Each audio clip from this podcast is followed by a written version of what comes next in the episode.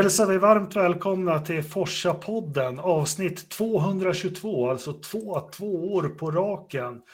Eh, själv sänder jag direkt från Leksand och pannrummet och han med det krispiga ljudet och de nya glasögonen, Anders Lövström, välkommen. Tack så mycket. Jag hoppas att ni hör vad jag säger. Jag har tydligen lite halvtaskigt ljud idag.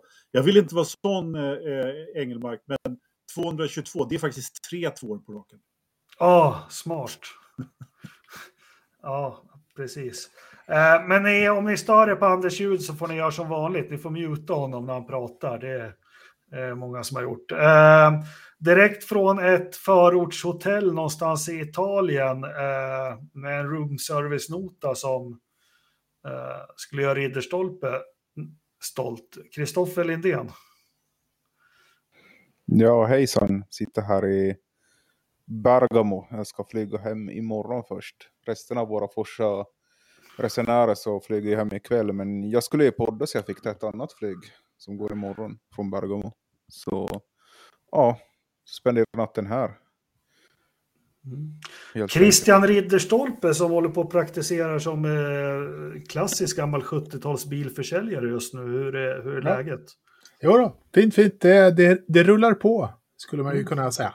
ja. Ja, ja, veckans pappas skämt var det länge sedan. Ja.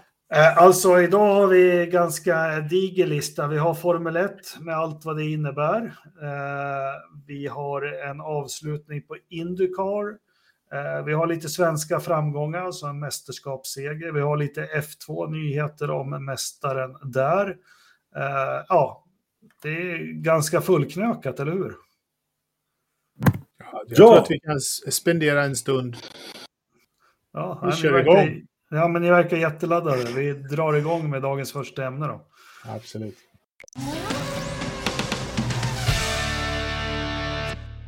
Ja, I sann Formel 1-anda så ni tre verkar ladda upp batterierna här inför för ämnena. Men nu, nu höjer vi energin här och snackar lite Formel 1 på Monza, Italiens Grand Prix.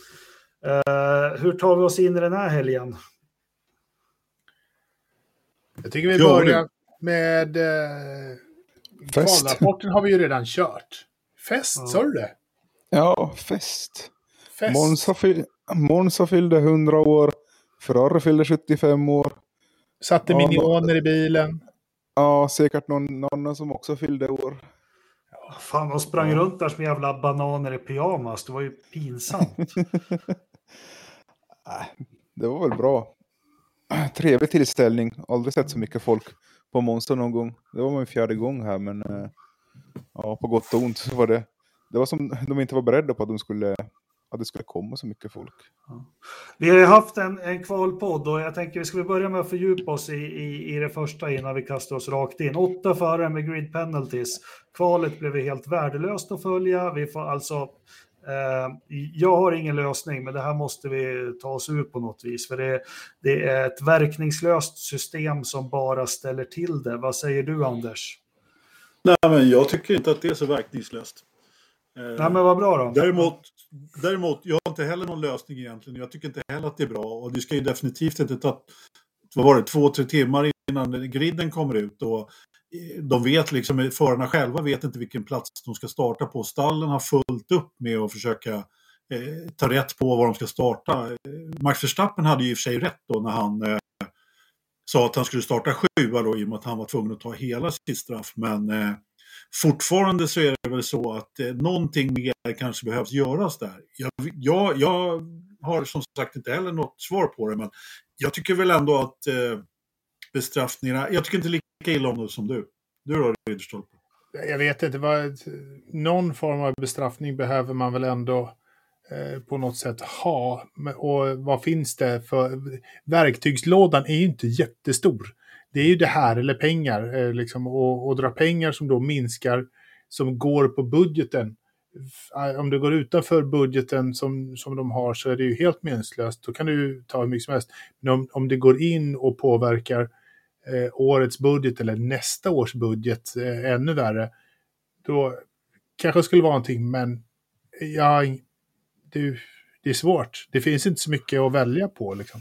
Det var någon som föreslog poängavdrag, men jag vet inte. Nej, men du, du, kan inte straffa en individ för att en motortillverkare gör fel. Men det jag menar med verkningslöst, det, är, det här är en så kallad coast cutting eh, regel, att man ska inte spendera ja. för mycket pengar på motorer, vilket är jättebra att man tar upp det, men det blir, det blir helt verkningslöst. För jag tror om vi bara ska förenkla det som att förklara för en femåring så går det nog ut på att man ville någonstans att nej, men Renault ska bara tillverka sex motorer till alpinstallet.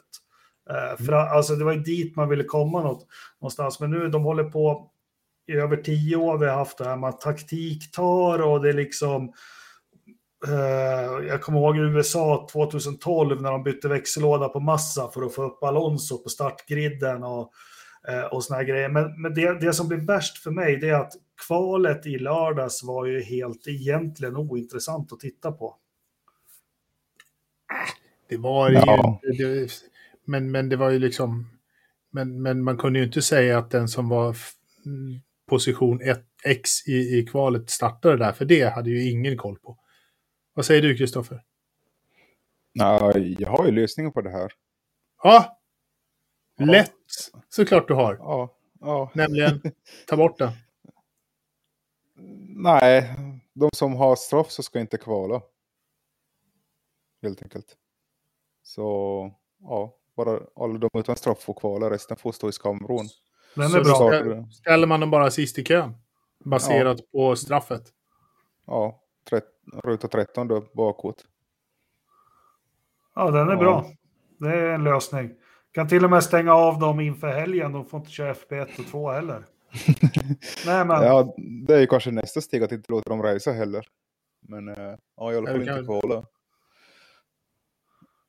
Jag vet inte hur det ska fungera rätt regelmässigt, men äh, det är väl det som stör underhållningsvärdet i alla fall, att du har med en bilar då som i, i Q3 till exempel som inte kommer starta i topp 10. Förmodligen. Eller, ja. Liksom. Det är det som är liksom att, ja men här är Perez, han, han kommer och, och han har 25 platsers nedflyttning. Han kommer in och, och blir P2. Man bara, det är helt jävla meningslöst för dig att köra det här, för du är bara i vägen. Du stör bara. Det är ja, helt riktigt, rätt riktigt, ta bort honom. Han ska inte vara med. Ja, lite så ja. jag tänkte. Antingen det eller som jag har sagt hela tiden, gå tillbaka till sugmotorer som kostar en tiondel att tillverka och låt dem ha fem, sex stycken. Då. Eh, vi kommer inte längre med det, men jag tycker kvalet blir, eh, blir lite, ja men det blir konstigt eh, helt enkelt. Jag hade ju inte ens koll på, jag satt och gjorde de här analyserna och allting och Först bara, ja, men Hamilton ser farlig ut. Ja, men just det, han startade ju där fast han kvalade där. Och, nej, det blir svårt. Men vi hoppar rakt in i det. Anders, du har inte skrädit orden om eh, Ferraris magplask som du tycker eh, den här helgen, att de slarvar bort VM-titlar och bankböcker och allt möjligt. Så, så lägg ut texten nu. Vad har Ferrari pysslat med? Nej, men eh, de har ju gjort allting rätt. Fantastisk strategi allting, eh, allting funkar jättebra. Nej, men alltså, det kan ju inte undgå någon den här eh, säsongen att Ferrari inte lyckas på strategiplanet överhuvudtaget. Och jag menar, eh, igår så var det ju inget undantag. Sen, sen är det ju väl naturligtvis inte hugget i sten vad som hade hänt om de hade gjort annorlunda. Eh, Förstappen kanske hade plockat dem i alla fall, men de, det känns ju som att Ferrari inte ens försöker. Liksom, de, de bara tar enklaste vägen och bara flyter med strömmen. Liksom. Eh, men vi, vi, vi fördjupar lite din kritik så, för det, det är lätt att bara sitta och kasta ur sig så här eh, att det inte var bra. Hur... Eh, det jag anmärker på mest, det, det är det här med som de har börjat med sista tiden. What do you think about plan B? What do you think? Alltså hela tiden. Men vad exakt det här loppet tycker du att man, att man gick fel? Och jag lägger ingen värdering i, i någonting utan... Det gör du väl visst det? Nej, jag tycker... Ja, okej okay då. Nej, men alltså det, det, finns ju inte så mycket... Menar, alla vet att en enstoppare är snabbast på Monza. Och så går Ferrari in och, och, och liksom gör en tvåstoppare. Ja, det är kanske inte riktigt så man ska göra. Och så ändrar man, man tänker då att när, när den här Virtual Safety Caren eh, går in så, så tänker man att man ska gå in. Ja, då hade man ju kanske kunnat eh, liksom spela tärningen lite mer och gått in på en eh, och kört en eh, hårda däck istället då. Men Mm. Ja, men jag tänker så här, vi har haft ganska hetsiga diskussioner i vår interna grupp. Eh, nu gör jag de här eh, Fädbo-analyserna av FP1, 2, 3. För mig var det ganska tydligt, Anders, du lyssnade väl och läste mitt meddelande väldigt noga, att Ferraris problem var att de klarade inte att hålla tider i, i softdäcken lika bra som Verstappen. Eh, men det är det här som vi har haft lite hetska diskussioner om, kanske vi har tryckt upp, eller jag har tryckt upp Kristoffer mot väggen. Varför tar ingen upp de här förutsättningarna som jag försöker skriva om på Facebook, våran grupp eller gör en kvalpodd inför loppen? Alltså så här ser förutsättningarna ut, precis som i alla andra sporter att Sverige har vallat si och så eller Sverige har tränat på det här försvarsspelet inför fotbollsmatcher och försök. alltså att man väger in de här parametrarna liksom. Vad kan vi se framför oss nu? Vad ställs Ferrari inför för svårigheter? Och så vidare och så vidare. För det, det finns, ju... jag tycker det är ganska lättläst vad, vad som kan hända och inte hända. Ja. Nej, jag tänker inte försvara någon, men jag tror, jag tror inte det syftar på alla, men jag tror det syftar på de som kollar på tv, för man kollar ju oftast Formel 1 på tv, och där är väl, man vill, vill, vill väl behålla det här, att det ska vara liksom oförutsägbart, och kanske därför man inte presenterar det som du, och många andra också sitter och kollar på long och sånt, liksom hur de kommer hantera däcken. Sen kan ju sånt ändras från träningen till racet genom att temperatur går upp och ner. Och, men eh, ja, som du, din analys visade också där med Red Bull, men du hade inte med kläder. Jag frågade faktiskt efter det, men jag fick aldrig något svar på det. Men... Uh... Nej, jag hinner, jag hinner bara plocka ut, alltså ja. det här tar en jäkla tid att sitta och dyka i alla tider, så jag tar ut fyra, fem förare från olika stall på något vis. Så jag, sen hade ju Ferrari litade inte jag på helgen, för de körde bara glory runs på, på fria träningarna. Uh, de ville bara Eh, tjäna publiken på något vis. Men nej, men jag, tyvärr, jag, jag hinner inte med alla, men jag tyckte det var ja. tydligt ändå. Nej, men det jag ställer mig mot, jag tror att du får mycket mer intressant och mer, mer tittare som blir intresserade om man, om man lägger upp alla förutsättningar som, som är enkla att förklara inför ett lopp. Då tror jag man får med gemene man. Men tillbaka till Anders, jag, jag håller med. Jag tycker också de väljer, ja, matematiskt så kanske inte Ferrari har, har, chansen att vinna det här loppet och så försöker de göra något annorlunda, men de väljer ju alltid alternativet som på något vis är sämst. Jo, men det är ju precis det jag menar också. Jag säger inte, alltså jag, jag, jag kanske är lite hård när jag säger att de kastar bort segern på Monza, men eh, jag, vet, jag kan, kan inte säga någonting annat än att de försöker ju inte ens längre. Liksom. Och, och, när de försöker spela safe ändå, vad, vad, är det för någon idé att spela safe? Jag menar, alla vet ju att det är låg tiredeg på, på Monza också. Jag menar, det, det finns ju ingenting annat än att, att testa. Alltså de måste ju trots allt försöka. Men när VM är ju borta, då måste man ju försöka vinna på Monza ändå. Man kan ju liksom inte bara lägga sig platt och bara, ha Förstappen vann igen. Sainz, jag kommer fyra, ja. det var ju jättebra. Ja, men det är det jag, jag liksom reagerar väldigt starkt emot. Att, att de, de har liksom inte, det känns inte som de har glöden kvar överhuvudtaget och liksom göra sina, vad var det, 337 000 på helgen i Monza liksom. Ja. Ja, men äh, vad skulle de gjort då, tycker du, för att vinna det här? Jag sa ju det. Stanna ute bara. Antingen så ska han... Nej, men lägga på hårda och försöka köra på en ettstoppare. Men en ettstoppare har ju alltid varit snabbast. Så att jag menar, det var ju alla överens om innan också. Så att antingen så, så stanna ah. ute eller lägga på ett hårdare däck. Jag menar, det var ju de två alternativen. Det kan ju man räkna ut med arslet och en kritbit som en god vän brukar säga. Ja, nej, jag vet inte om jag håller med där. Det vet jag att du inte gör. Eh, eftersom, eh, eftersom eh, du har fel. Men du, jag, jag, ska byta, jag ska pröva att byta en sak här så får vi se om du slutar klippa. Ni får fortsätta diskussionen utan mig. Ja. Nu, ska, nu ska Anders byta pacemaker här så vi får se om han ja. kommer tillbaka. All... Nej, men det, det blir det var... och fel och, och, vi sitter ju alltid med, med, med facit i hand gör vi. Men man, man reagerar ju hela tiden när det är lopp över Ferraris beslut. Och, och, och, här gjorde man som sagt, vi, vi pratar, Red Bull har hamnat i, ända sedan förra året att de sitter ju i sån jävla bra position hela tiden, men eh, ja, eh, jag tycker att det måste ju av alla miljarder olika strategier som räknas ut på fabriken och datorer och allting, så måste det funnits något annat än det de försökte sig på nu. För jag kan inte på något vis, och det är det jag undrar också efteråt, bara, men kära Charles eller kära Binotto, hur hade ni räknat på det här? Hur såg det ut? Liksom, hur hade ni tänkt att det här skulle falla ut? Vad hade ni hoppats på? Men, men, det, spelar, ja. men det spelar liksom ingen roll. Det osäkerheten som, som, som strålar utifrån det här stallet har ju så den strålningen har ju bara ökat från, från vecka till vecka, från helg till helg. De, nu, nu ställer de ju fem frågor till, till Charles och, och Carlos innan. de sa jo, men hur känns det? Eh, är du säker på det? Vi funderar på det här. Vad skulle du tycka om... Förresten, vi har fika klart snart. Skulle, kan du baka? Vi, vi skulle vilja... Eh, kan, sväng förbi Ica på vägen. Hinner du? Alltså, de tar inte ett beslut. De som har all data, som har allt, de kan bara titta på sensorer och mätare och allting och, och har det som sitt jobb att, att liksom räkna och analysera.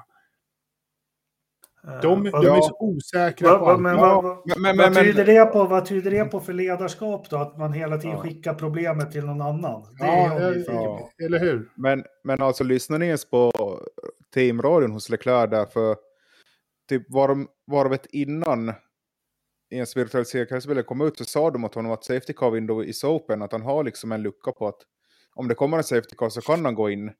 Sen så tar Leclerc den här chansningen då, och då är ju oturligt nog så är den ganska kort den här VSCn. Och så säger Red Bull åt Max att gör det motsatta mot Leclerc. För att liksom se vad som händer. men det, men, ja, ja, men det, det var ju Red Bulls beslut. Ja. Eh, men, Bull... men, tänk om, men då ska vi leka med tanken om Red Bull har gått in. De skulle ju tappat mycket eftersom de ligger efter. De kanske ligger på hårda då, men ingen vet ju hur bra de skulle fungera på hårda heller. Har ni ens kollat om Ferrari och Red Bull hade hårda kvar ens att lägga på? Om de inte hade det så var det ju tjänstefel. Men du vet ju inte heller om Red Bull hade gått in. Eftersom det var, då var i så fall... De sa, jo, de, de säger det på teamradion. Men du ska också, du, du borde ju ha sett så pass mycket så du vet att Red Bull, de, de säger ofta en sak och gör en annan. Ja. Springer ut i, i, eh, i som pit lane för att, Eh, för, för att lura ut de andra, vilket nu för tiden är förbjudet. Nej, jag, jag, jag, tycker inte vi kommer så länge i den här diskussionen heller. Jag tycker bara att Ferrari är, Alltså du satte, du satte lite huvudet på spiken där, Ridderstolpe, liksom. Mm, med, med, vi ska fika klart snart. Det ska diskuteras allting. Det är liksom inte det är, det är, så långt ifrån Mercedes man kan komma och deras eh, strategibeslut. Liksom. Det är väl klart att föraren ska vara med och påverka, men det här blir ju larvigt. Ja, det har, det har gått för långt. Så rädda för att ta fel beslut. Liksom. Ja, det, det, är helt okej okay att fråga vad tycker du om däcken? Känns, känns de bra, stabila? Här, och så här. För det, det är en uppfattning, det är en känsla som, som du har som förare. Men, men att ta liksom, eh, analytiska beslut baserat på liksom resten av loppet och allt sådär. Eh, det, det, ska ju, det är ju någon annan som ska informera. Så här. Vi, vi tänker oss scenario Q. De har ju 40 scenarier, liksom, det är ju bananas det också.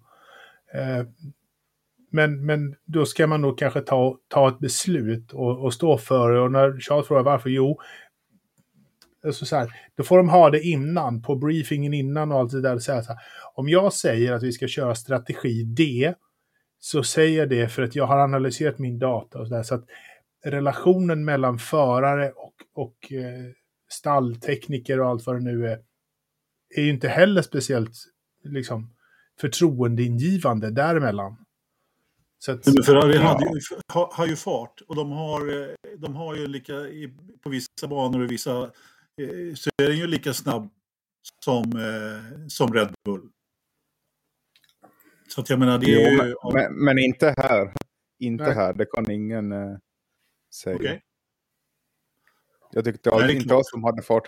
För speciellt när, när han satte på medium och det var en lucka på 20 sekunder så han tog inte fatt det som han behövde heller. Utan Red Bull kunde, eller Max Verstappen speciellt, då, han kunde hålla avståndet väldigt lätt. Så jag, ja, jag förstår inte den här kritiken mot Ferrari. För den här helgen tyckte jag de inte gjorde något fel, förutom att farten saknades i bilen. Och ja, då måste de väl de måste hitta farten tillbaka som de hade i första halvan av säsongen. Sen att de diskuterar mycket över teamraden hur de ska gå tillväga, det är väl... Eh, det har ju Binotto sagt också att eh, men det är så här vi kommunicerar inom stallet, ha en öppen diskussion. Jo, det är, en, det är en riktig framgångssaga. Det har vi ju sett. Precis. Det, det funkar jättebra. Ingen vet någonting vad de ska göra. Eh, Ingen så, fart att ta på. Men, det, men... Det, är, det är formulär 1A liksom i ledarskap. Att, ja, vem tar ja, besluten men... här och tydlighet. Ja, men ska vi gå tillbaka nu? Nu ska vi inte jämföra med Schumachers tid, men där satt de ju hela tiden också och pratade med herren vid ratten om vad som skulle göras. Hur han kände. Nej, de, nej där har du faktiskt jo, fel måste jo. jag säga. För han var så bra förare så Ross Braun sa bara nu ska vi ha 20 kvalvarv. Det är det som gäller. Okej, okay, sa han, leverera. De frågade inte honom, tycker du att vi ska köra 20 kvalvarv nu? Utan Ross Brown sa, det är det här som behöver göras. Och då sa Michael, okej, okay. och så gjorde han det. Men, men nu tar du inte, nu tar du ett annat exempel, du tar inte angående depåstoppen. Tyvärr så var ju inte teamradion lika tillgänglig då som nu. Så det är svårt att gå tillbaka och kolla det, men vad jag har förstått i alla fall så var Schumacher väldigt delaktig i strategiska beslut. Till exempel som när han tog den här tre stopparen och vann, var det Ungerns GP, så var det just för att han gjorde 20 kvalvarv då. Ja, men att vara delaktig i strategi strategiska beslut är en sak.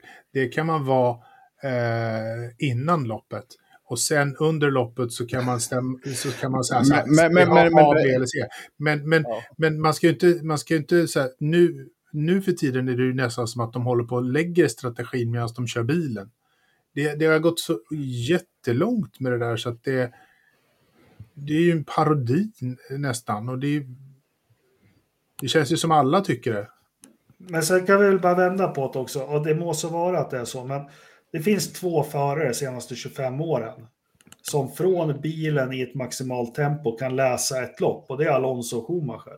Det finns inga andra. Det är liksom bara alla ingenjörer som har, som har eh, Alonso styr och ställer och allt gjort. För han kan läsa ett lopp. Ja, han är uh, bra på det.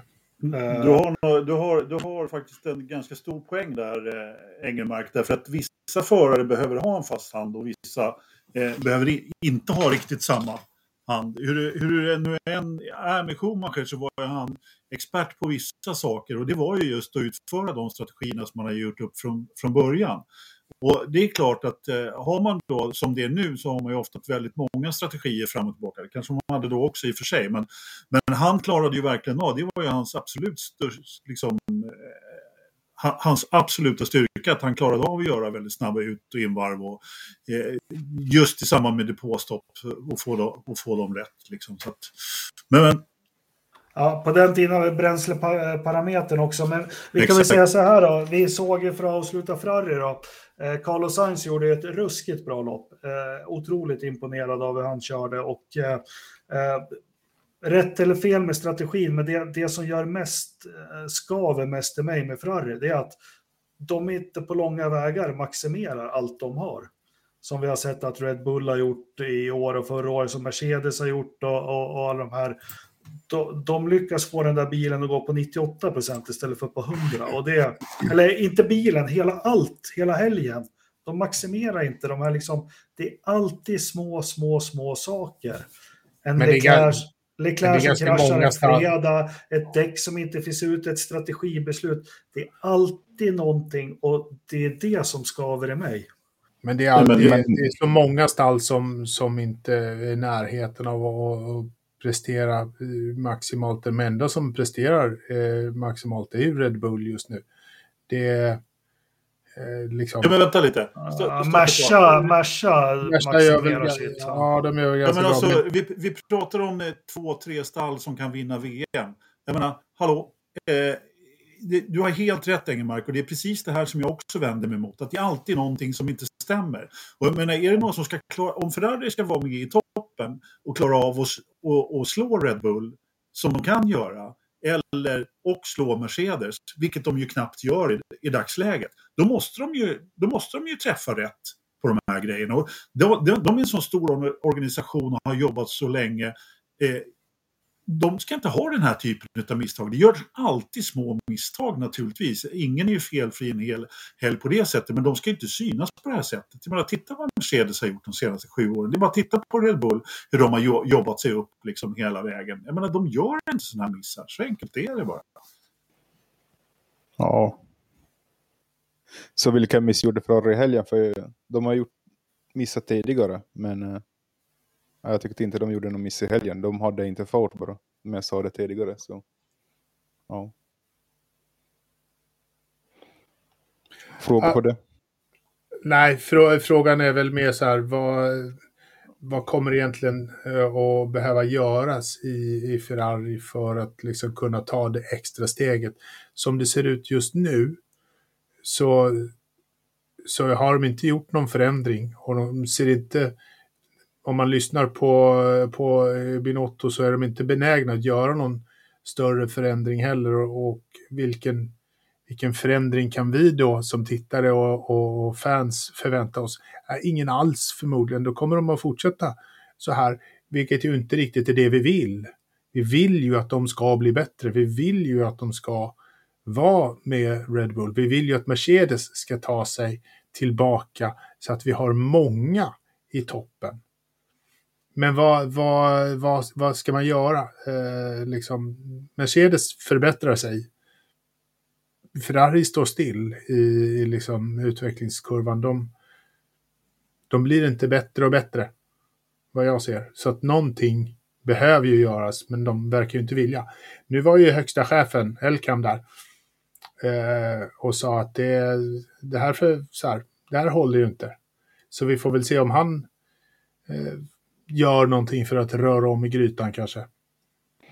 Ja, men eh, på träning, var det träning ett så körde man ju ett gammalt golf faktiskt, för man var ju lite rädd att man eh, har, Ferrari menar jag, att de har utvecklat bilen på ett sätt som inte gynnar det koncept som de har. Så det är ju lite tråkigt faktiskt. Och det, det är ju det här också som vi har pratat om tidigare, att Red Bull lyckas ju komma med nya delar och de har lyckats göra bilen lättare också jämfört med typ fem första loppen då. För Max har ju vunnit då fem lopp i rad, men de har ju lyckats utveckla bilen mycket bättre än Ferrari. Så ja. Nej, jag vet inte. Jag skulle vilja se mer på det än äh, ja, liksom försök. De som utvecklar det... bilen måste väl ja. It's do or die liksom. Och det, just, ja. just när de, de gör inte det de ska göra.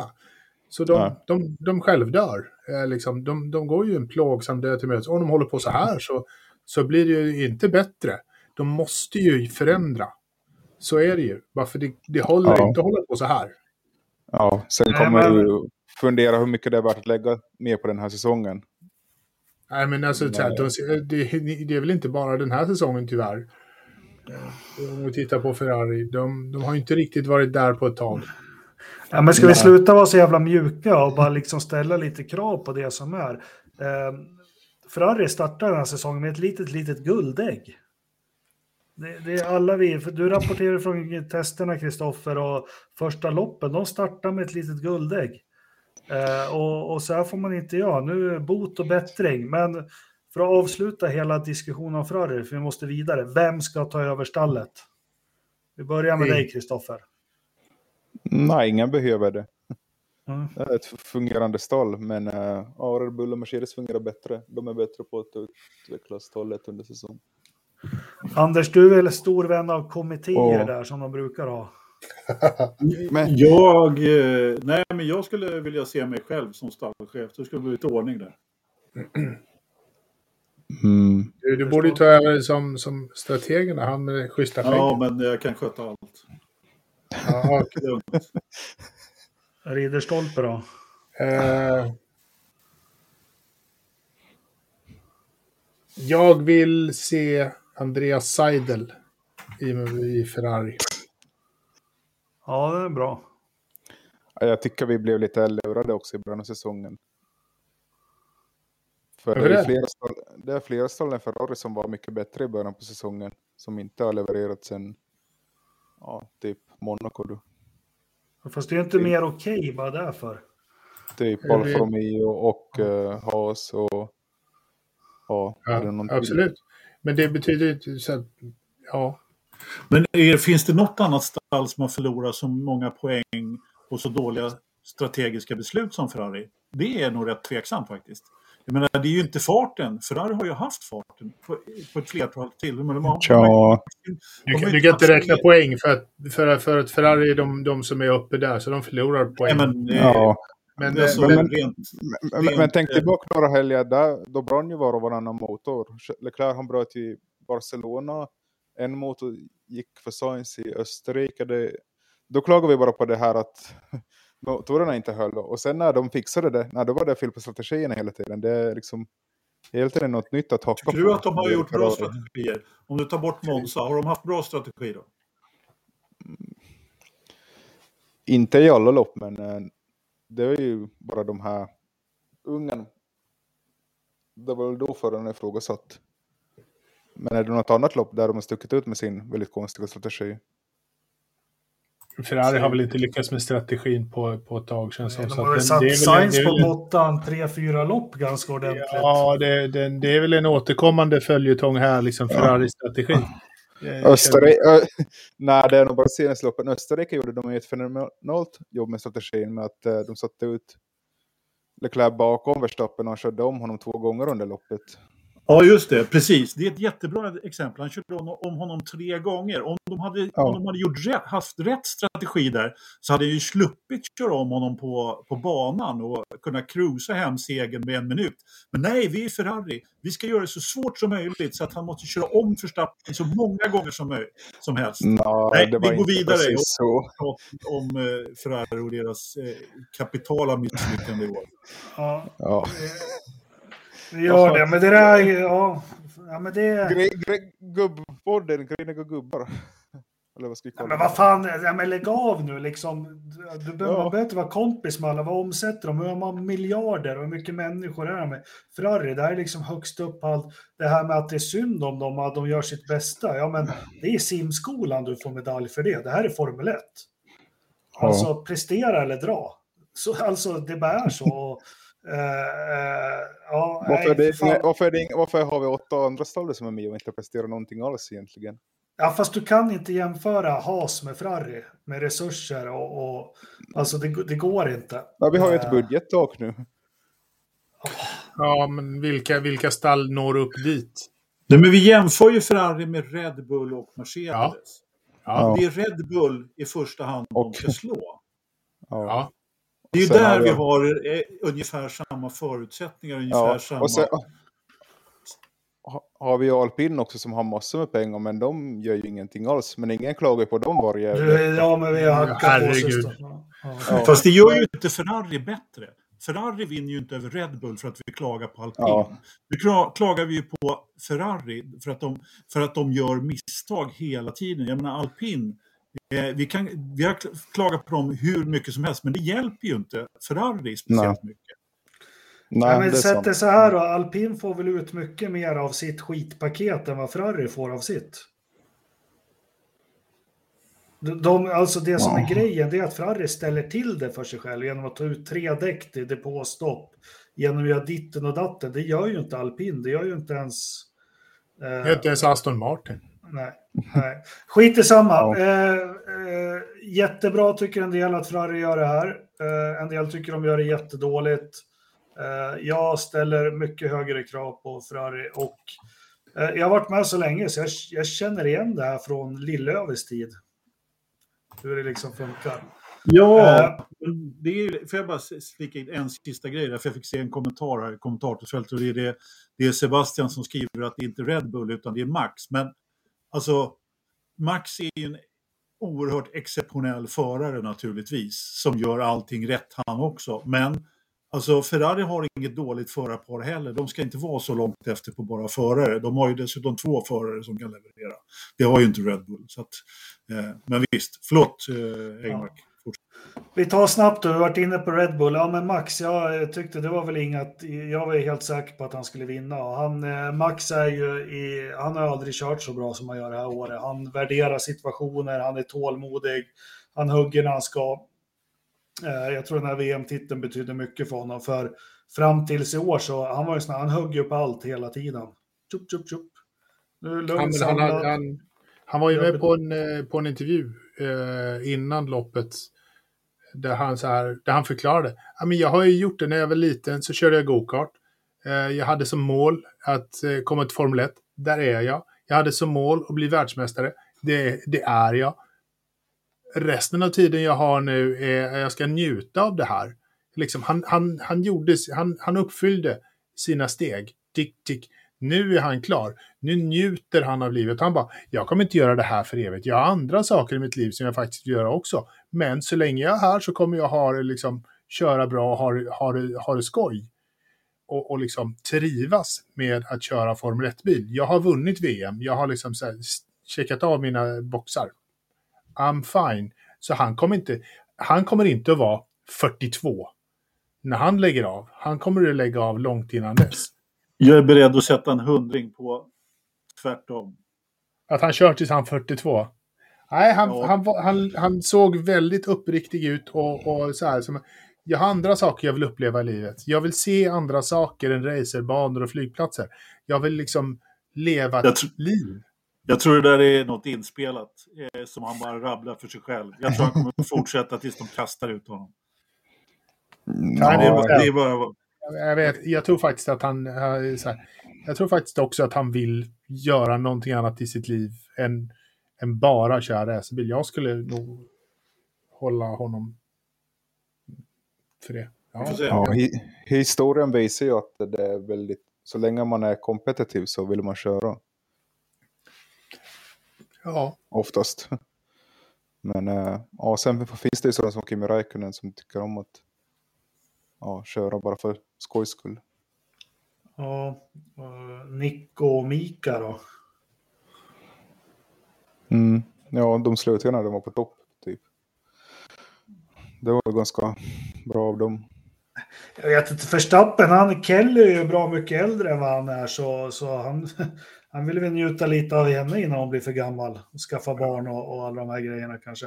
Vad fan killen, vad är han? Han är 19 bast och har kört 300 lopp redan. Så det, Eller, alltså... Ja, vi, vi, vi, får se. Eh, Peres då, vad, vad, vad händer med Peres? Jag, jag har försökt söka information eller på något vis. För, eh, första tredjedelen så var han ju bra, eh, men nu går det bara rakt ner för. Ja, men det var några jävla bromsproblem i helgen. Påstår jag. Mm. Det, men det är väl inte ovanligt att Red Bull-bilen, eh, desto längre säsongen lider, desto mera max blir bilen. Eh, Bromsproblem? Ja, jo, men det, liksom så, det, är väl inte, det har väl skett förr.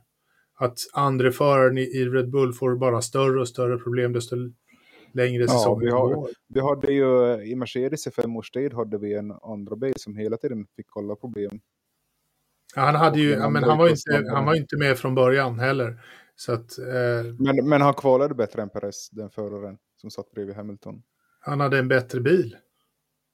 Ja, men han fick alltid problem och de ja. råkade skruva fast däck så det inte gick att få bort dem och ja, all, alla möjliga fel.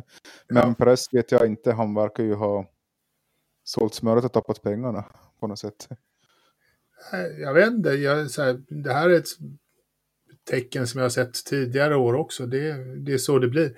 Liksom, de utvecklar bilen för att bara passa max eh, återigen och de anpassar den efter eh, för nästa de använder de använder väl honom som testförare till 2023. Liksom. Sen kan det vara, Perez har ju kört i, i över tio år nu. Eh, det kanske är bättre att, att ta lite pallplacering och ströseger här och då istället för att sitta i en Force India. Och han, han, kanske, han kanske bara är liksom, inte nöjd då, men accepterar. Accepterar rollen. Som Berger gjorde när han körde med Senna liksom. Det... Perez är inte tillräckligt snabb.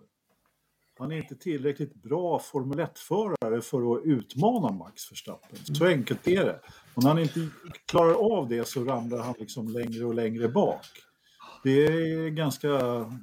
Ja, det är som, som det blir.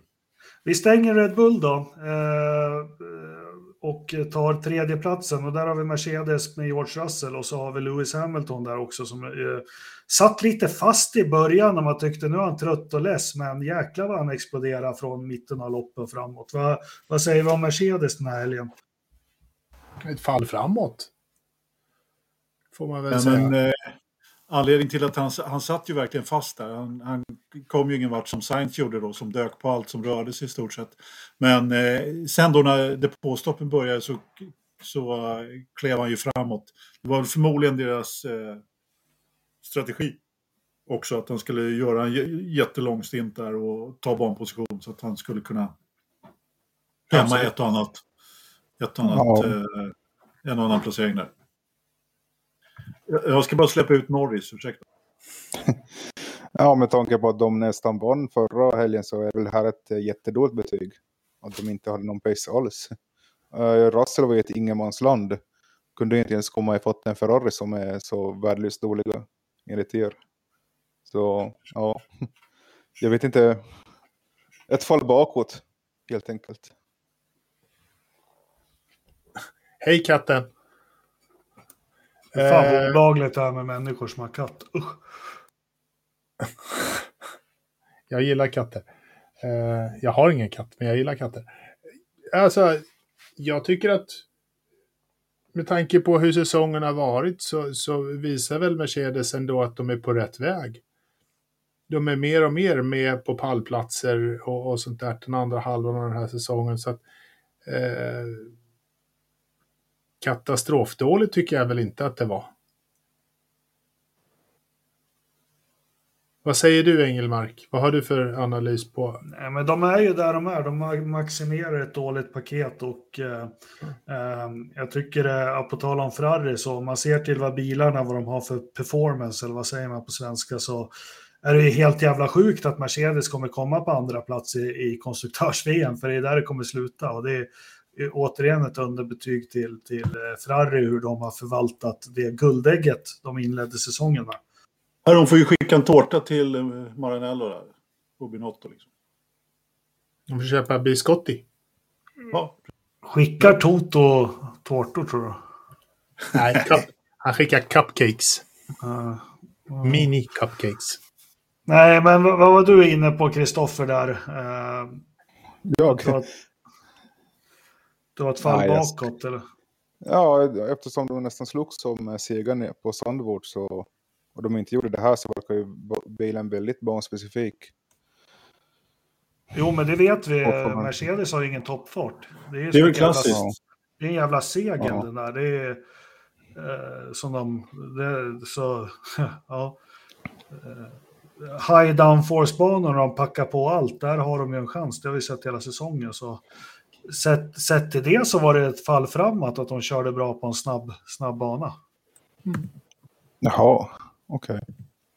Ja, jag vet inte, jag bara rapporterar vad jag ser och vad de säger åt mig.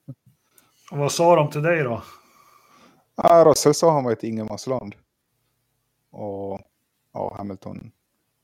Jag lyssnade faktiskt inte på honom. Jag missade honom. Jag kan... För problemet är när man får liksom tre olika förare kan ge sina efterrestintervjuer samtidigt så de får ju välja då. Så jag tror jag tyvärr.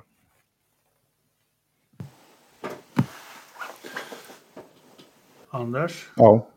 Ja, vad ska jag säga? Ja, bemöt. Bemöt vadå?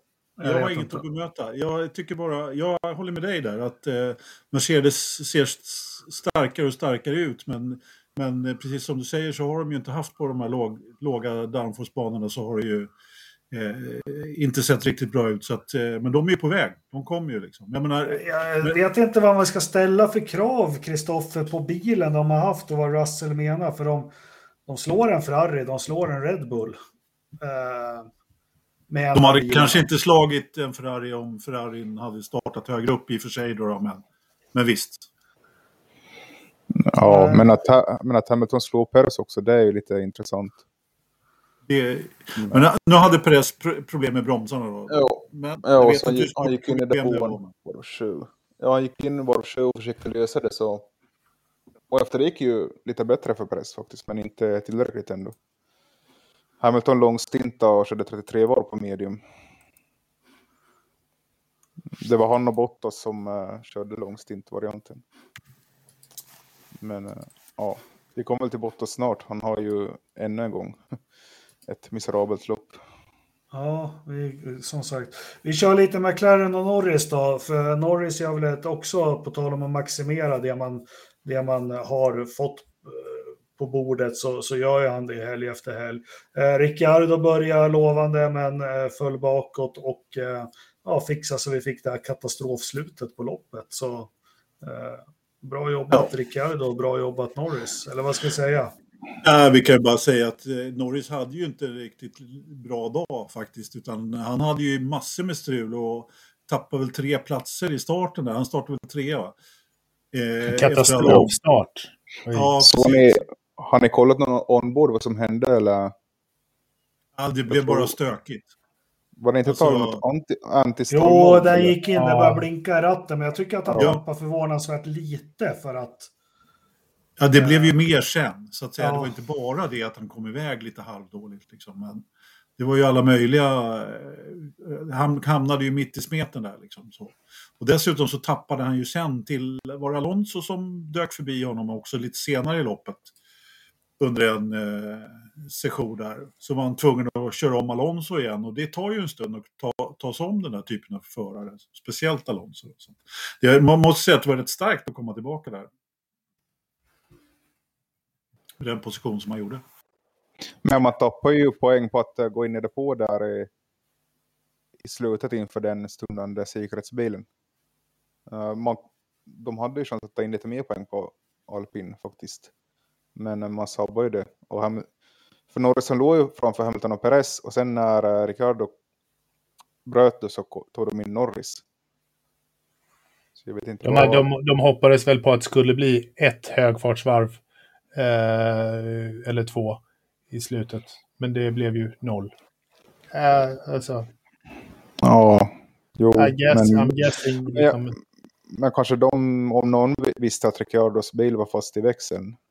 Ingen annan visste ju det tydligen, men det såg, man ju, det såg man ju på bilderna att så här, när de försökte putta den så, så rörde den sig inte en centimeter. Det var väldigt tydligt att den satt fast i växeln där. Väldigt tidigt. Eh, liksom hela den där boxer-episoden var ju, var ju, ju crap. Eh, liksom, ja. det, det, tog evigheter innan de, de insåg vad det var som var fel eh, där. Men, jo, eh, italienarna de visste ju inte hur man skulle boxera en bil med växeln. Nej, de, de, de, var, de, var inte, de var inte jättebra på att säga jo, man lyfter den. Liksom. Det, det är så du gör. Eh, men, och det är väl lite konstigt, man har ju ändå kört Formel 1 ganska länge. Vet ni vad? Vi får öka farten lite här. Vad behöver vi prata om Red Bull Porsche? Det står i körschemat, men alltså är det inte bara så här, ain't gonna happen. Eh, frågan är om det blir Porsche på, på, på, på griden alls nu, bara för tiden går ju ganska fort. Och, och, har man nu spenderat så här mycket tid på Red Bull så jag vet inte, ska man börja om med, med någon annan då det är ju rätt mycket tid och kraft som måste till. McLaren. Ja. Seidel, McLaren. Ja, ja fan vet jag. jag. Jag tror i så fall så. No, det rimmar ju inte så bra med McLaren Porsche då de är lite konkurrenter i riktiga världen. Men uh, om, om man ska göra en satsning så måste man nog ha en egen motor och det är väl lite väl sent att komma med det. Så det är om man kan lösa den här Audi-motorn på något sätt. Att det blir en Audi att det blir en Porsche. Ja, men alltså... ja, för något stall då. Liksom att de tar två stall med den. Uh, ja, men skulle man inte bara ta och, och så här spara de där eh, pengarna och liksom bygga andra bilar ja. istället. Ja, bygg, bygg en bil till Dyrrand. Han behöver en ny Porsche i garaget. Så, så gör det. Äh, jävla soppa. Förstår ja. alla varför jag är så negativ till de här stora jäkla biltillverkarna ska in i Formel 1 så ska, så ska man böja sig framåt och stå på alla fyra och sära på skinkorna inför dem och liksom fixa reglementer så blir det bara jävla strul. Uh, uh, och det här, det här är ju liksom, uh, man skulle vilja veta mer om det här, men det, det här är ju så, det, det är såna pajasar så det liknar ingenting. Jag tror inte Red Bull någonsin har varit särskilt sugna på det här okej, vi kan väl ha er motor där bak då, men skit i resten.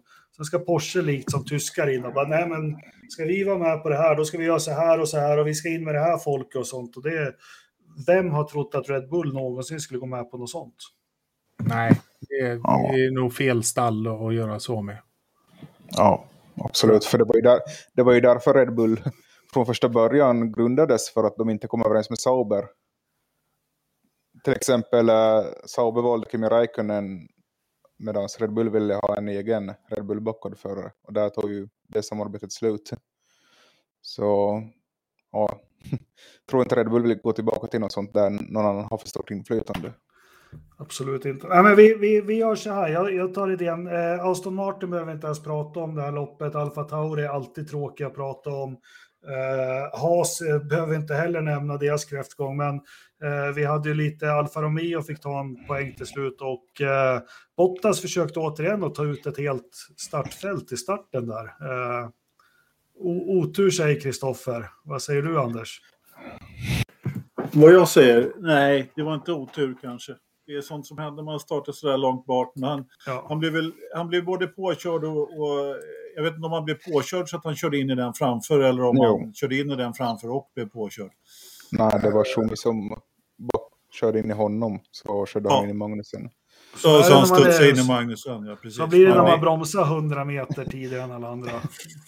Det, det, det, alltså det, det rök ju delar överallt över hela banan, så att eh, det, jag förstår att han inte hade något bra lopp efter det där. Liksom, men, ja, ja, det gick ju, anti, den gick ju också i anti-stall-mode, så därför var han ju sist efter första varvet. Efter att uh, okay. Nick var där och fetade med ja. i bakänden. Han hittade inte dragläge alltså? Nej. det, det känns ju som att uh, alpin har liksom totalt, uh, eller vad säger Alpin? Som att Bottas totalt har tappat det momentum som han hade nu, under en period här. Vi får väl se hur det går. Men, uh, han var ju också på G. Han var ju det. Ja, men, men ja, han var ju det. Ja. Jag inte, Ska vi prata om... Har... Tappat. Ska vi prata om helgens förare då? De Vries, vi måste ju ta upp honom. Ja, det var nästa på listan. Jävlar vilken debut. Eller hur? Ja. Och så lite hjältes där, kunde inte ta sig ur bilen knappt. Nej, men vilken jävla kille bara springer in i en bil han aldrig har suttit i, kör skiten ur Latifi och, och, och sätter den där på, på poängplats. Det är väl i och för sig inte så svårt att köra skiten ur Latifi, men, men eh, det var en väldigt bra... Eh, det var en, väl, alltså en, en bättre debut får man ju leta efter. Det var väl lite Senna, Brasilien där, eh, när var det, Jakob? När han skrek rör inte mina axlar. Ja, just det, ja, precis. Men ja, jo, han körde en sån. Nej, men nej, hjälteinsats. Eh, vart sitter han nästa år och kör då? Williams. Toto släpper ju honom. Ja, det ja, det ryktas att han pratar med alpin också. Fast vad fan, ni, du säger ju det att ni pratar i depå. Ni har ju satt varenda jävla människa som, som är över 18 år i den där alpinbilen. Nu får ni bestämma er. Ska det vara Dohan, ska det vara Gasly, ska det vara... Ja, alltså... men eh, jag hörde Dohan är för ung. De vill ha någon uh, lite mer, som kan lite mer i alla fall. Alltså medan vi håller på och snackar här så skriver Zack kontrakt med honom så vi kan, vi kan Eller hur? dela upp. Ja, ja. ja. men det är ju nästa liksom, ja, jag vet inte, Piastri. De är ju lite modiga av McLaren att de släpper Piastri mot Norris. Tänk om uh, Piastri inte lyckas slå Norris, då är ju han färdig F1 efter två ja. år. Ja. Ja. Det har hänt förr. Kommer hända igen. Ja. Ja, men precis. Eh, Ridderstolpe, du har rätt. Kristoffer, du har faktiskt ett skop här om, om Haas. Kan du berätta lite mer? Ja, det kan jag berätta.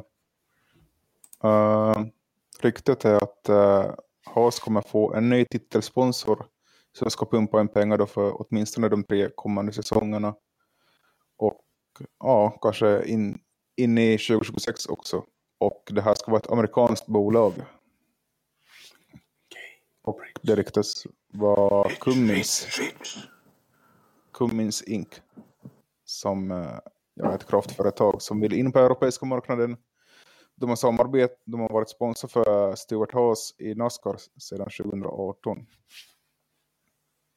Ja, samtidigt så funderar de på att ta över Alfa Romeos sponsring.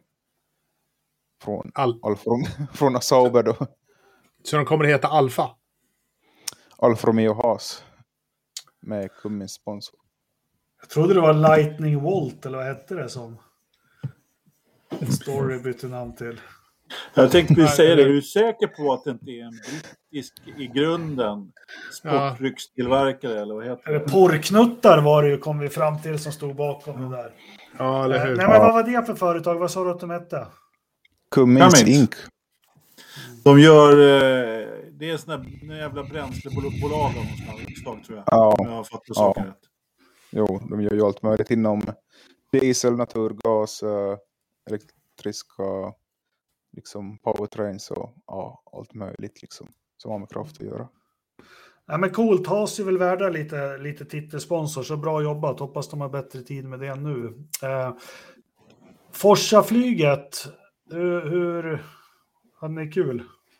Jo, jo, det gick bra det här. Vi får hoppas vi kan göra det igen. Vi kanske inte blir Monza. Det var lite irritation över de här ja, organiseringen av hela loppet. Men äh, ja, vi skulle redan börja se på nästa års kalender och hoppas alla ni tre också kan komma med. Det hoppas vi. Om det är möjligt. Men ja, det är bra att vi har fått det gjort en gång nu. Så vet man lite vad vi ska förbättra till nästa år också. Ja, Försöka få lite mer, fler folk. Och så. Absolut, nu är det ju lite bättre förutsättningar med covid och allt att kunna planera det. Eh, vi, har lite, vi har lite Silly här nu då. Ska vi ta det nu eller ska vi ta det nästa helg då det är lite lugnt med racing? det kan vi göra. Får jag flika in en sak bara angående Cummins där. Sebastian påpekar att de gör stora lastbilsmotorer och det stämmer ju. Alltså en Cummins mm. diesel har man ju hört talas om. Så att, eh, det är, de är ju stora tillverkare av motorer också. Eh, förlåt Jakob. Fortsätt med ja, de, de kanske vill göra en, en egen motor. Ja, kanske det. Lite, så de siktar egentligen på Red Bull Powertrain. Så att snart, det, det blir de istället för Porsche. Ja. Red Bull Cummins. Ja, men innan vi stänger, vi har glömt den. Vi hade ju en ganska kontroversiell målgång ska man väl säga. Jag vet inte, jag har försökt läsa på lite vad reglerna om Safety Car och så säger, men återigen tycker jag att Formel 1, eh, det pratas ju så mycket om underhållning och så, då kan vi inte ha målgång under Safety Car. Det är, ja, de var väl inte så nöjda publiken på Monza heller, men mm. eh, vad fan, det rödflagga skiten då? När det ja. blir så här. Ja. ja. Blir det en Safety Car 10 eller 5 varv kvar, då rödflagga. Det var ju precis det man ja. gjorde förra året som man fick så oerhört mycket skit för. Eh, så att jag tror helt enkelt inte de vågade nu.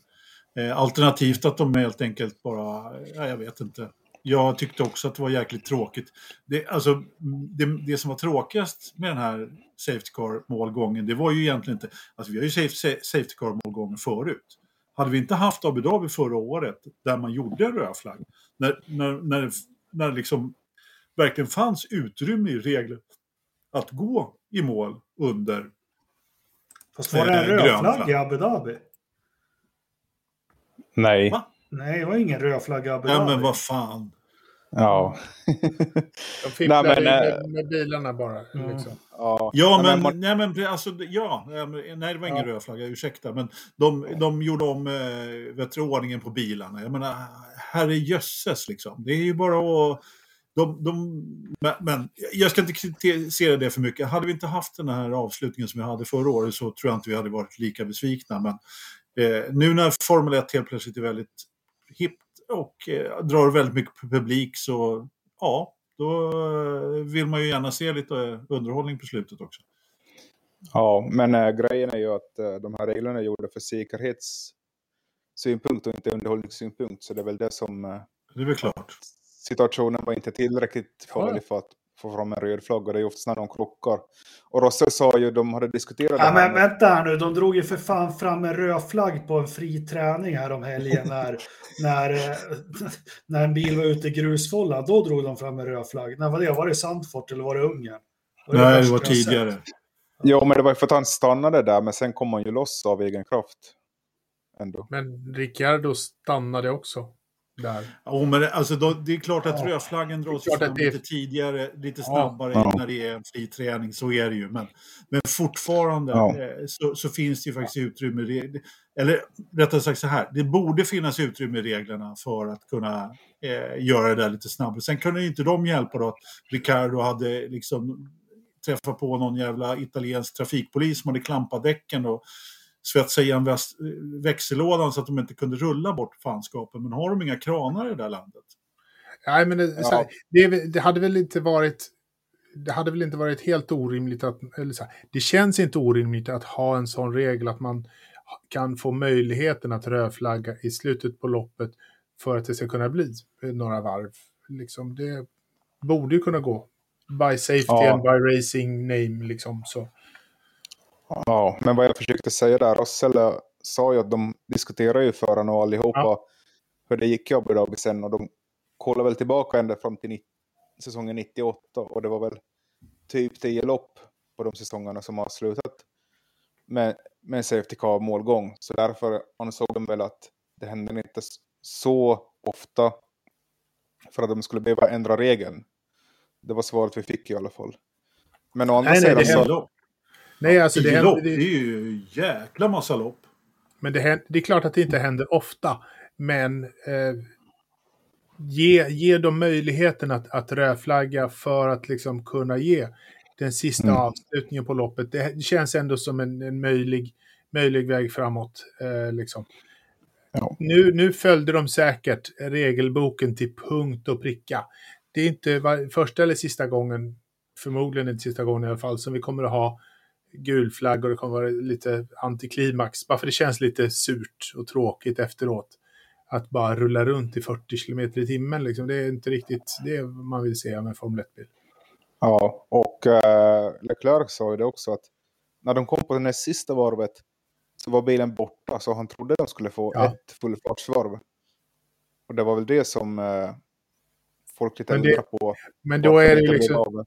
Ja, men då måste du rulla eh, så här, tillräckligt. Du måste ju rulla ett varv till med säkerhetsbilen. Säkerhetsbilen ja. har ju sina procedurer som du måste följa. Ja. Vilket gör att det blir och, väldigt långt. Jo, och sen, och, sen var, och sen var ju problemet att säkerhetsbilen hade plockat upp Russell. Så ja. att sen liksom fixa till den där ja, ord alltså, ordningen skulle ta några varv också. Ja. Det var ju det också. De hade ju, inte slä, de hade ju släppt förbi... Eh, precis, de gjorde ju alla fel i boken överhuvudtaget. så att det, det, blev ju en ovanligt lång säkerhet, hade ju blivit i vanliga fall också. Eh, eh, och, mm. och sen så, så, hade de ju inte hunnit släppa förbi de och förarna som skulle ovanra ja. sig och hela det kittet. Ja. Men Toto var nöjd i alla fall. Han bara, så här ska det ju funka. Och det var ju synd att jag inte gjorde det. Alltid har gjort det. Men, mm. Eh, innan vi rabblar in på nästa ämne. Vi har ju Formel 1 om två veckor. Vi kör lite sillysnack och så nästa vecka eh, när det inte är något race. Eh, så Anders, vilka är det vi ska tacka? Vilka vi ska tacka? Ja. Våra Patreons? Ja. Och lyssnarna, de är inga värda. Vi bryr oss bara om Patreons. Anders, Anders Mr, Mr Bank, pratar, ja. pratar Patreons. Jag tackar alla som orkar eh, trycka på plusknappen på att prenumerera oss på YouTube och står ut med det här eh, dravlet var varje vecka. Eh, utan er skulle vi inte ja. orka. Och jag tackar alla som tyckte att jag skulle göra en kvarting den här veckan. Så jag fick lite motivation att göra det. Och, ja. eh, men, ja, eh, det, ligger, och, det ligger ju redan i poddfeeden. Jag förstår ju inte vad poddfeeden är. Spotify. Nej. Jakob, ja, vi är på avsnitt 222. Om du ja. tittar i liksom Spotify ja. eller någonting. Så jag har ju spelat in en fin video. Ja, men den kommer. Ja. Det, det är bara det att det är så ja, dåligt. Ja, men skit i det. Ta, tack allihopa. Ja. Och köp, köp t-shirts och grejer om ni... Eh, så, så, Anders kan köpa nya glasögon igen. Ja, ja. eller Kristoffer är väl den som behöver glasögon i det här eh, ensemblen, för alla andra har ju. Ja, jag använder linser, men de ligger här på bordet. Men, men, men, jag tycker vi ska hitta på något speciellt för våra patrons. Det, det är kul att de vill stötta oss. Så det skulle vara kul att göra någonting mer för dem. Ja, de, det kommer vi säkert göra på något sätt. Får vi, de ska få gratis inlogg, inlogg till min Onlyfans. Ja, nej, det ska vi inte. Men tittar ni noga, jag hade ju dörren öppen när vi kvalpodda. Och så mm. såg jag precis att min fru gick ut naken. Duschen är ju precis utanför och gick upp för trappen. Men jag hann få dit huvudet så här. Eh, så det var väl något vi har släppt bakom betalväggen där i ja, ja, det... en, en vad. En bar vad på fru Engelmark. Det tycker jag var ja. fint. Ja. Ja. Äh, äh, skämt åsido, vi drar över Atlanten.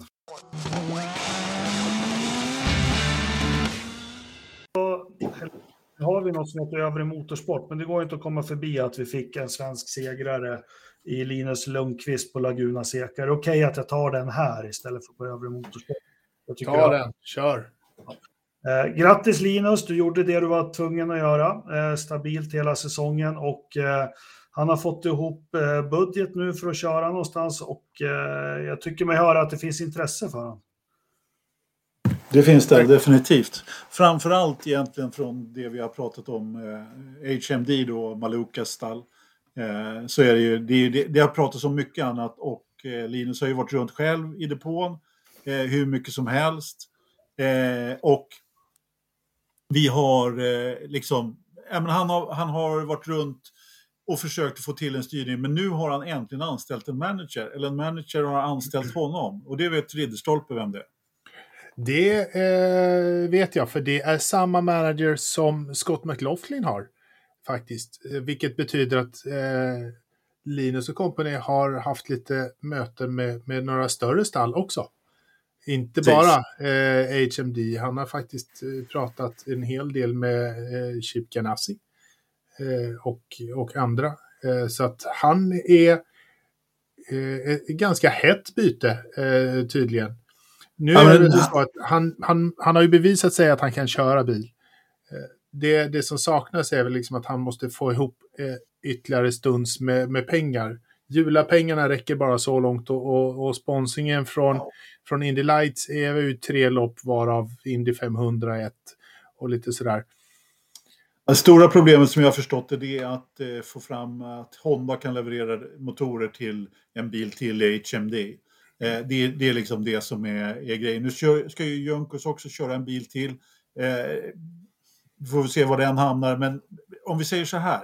Det ser inte riktigt lika mörkt ut som det gjorde för ett tag sedan när det gällde Nej. att få in Linus Indycar, utan det ser faktiskt lite ljusare ut, måste jag säga, men eh, utan att någonting är klart. Men Alltså, man är ju inte garanterad tre starter och en Indycar-start, utan det gäller ju att det finns en stall att köra i naturligtvis. Ja, ja naturligtvis.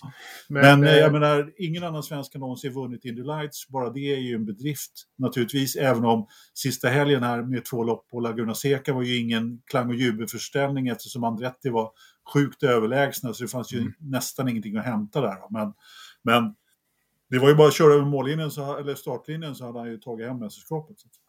Men eh, sen är det också, Honda säger ju också att om, han inte, om de inte hittar en plats för honom i Indy-startfältet så sponsrar de en säsong i Superformula. Eh, så att Honda har, har sagt att de ger honom en säsong i Superformula om, eh, om han inte hittar en styrning i Indycar. Gör in, tar inte han den, som han har första king på i, i Japan, så tar de eh, Matt Brabham eh, en sväng där istället. Så det är de två som Honda har på något sätt utsett som, som förare. Så någon av dem kommer köra i Superformula ett år. Vi hoppas att det inte är Linus. Men det, ja, men det kan... Det, jag tror att, eh, och, och liksom känslan jag får eh, när jag lyssnar på, på andra är att det, det ser lovande ut. Jag tror fortfarande HMD och, och Dale Racing som eh, David Malukas har kört för. Och eh, HMD som är de som han kör för i Indy Lights. Jag tror att där är den närmaste, närmaste sitsen för, för Linus till nästa år. Ja, eh, spännande. Eh, vi hade ju en avslutning här, eh, rafflande kunde det varit. Eh, ja, det var väl, de flesta vek ju ner sig eh, i striden mot Power förutom eh, Newgarden som hade sämsta utgångsläget. Men jag måste bara ta tillfället i akt och säga att jag tycker Will Power är en av de häftigaste, coolaste racerförarna som finns just nu. Så jag är glad att han vann, vann mästerskapet. Ja, jag vet inte, men alltså så här, Will Power gjorde ju en riktig bedrift i helgen. Han tog ju äntligen den 68 pole position och eh, slog Mario Andretti.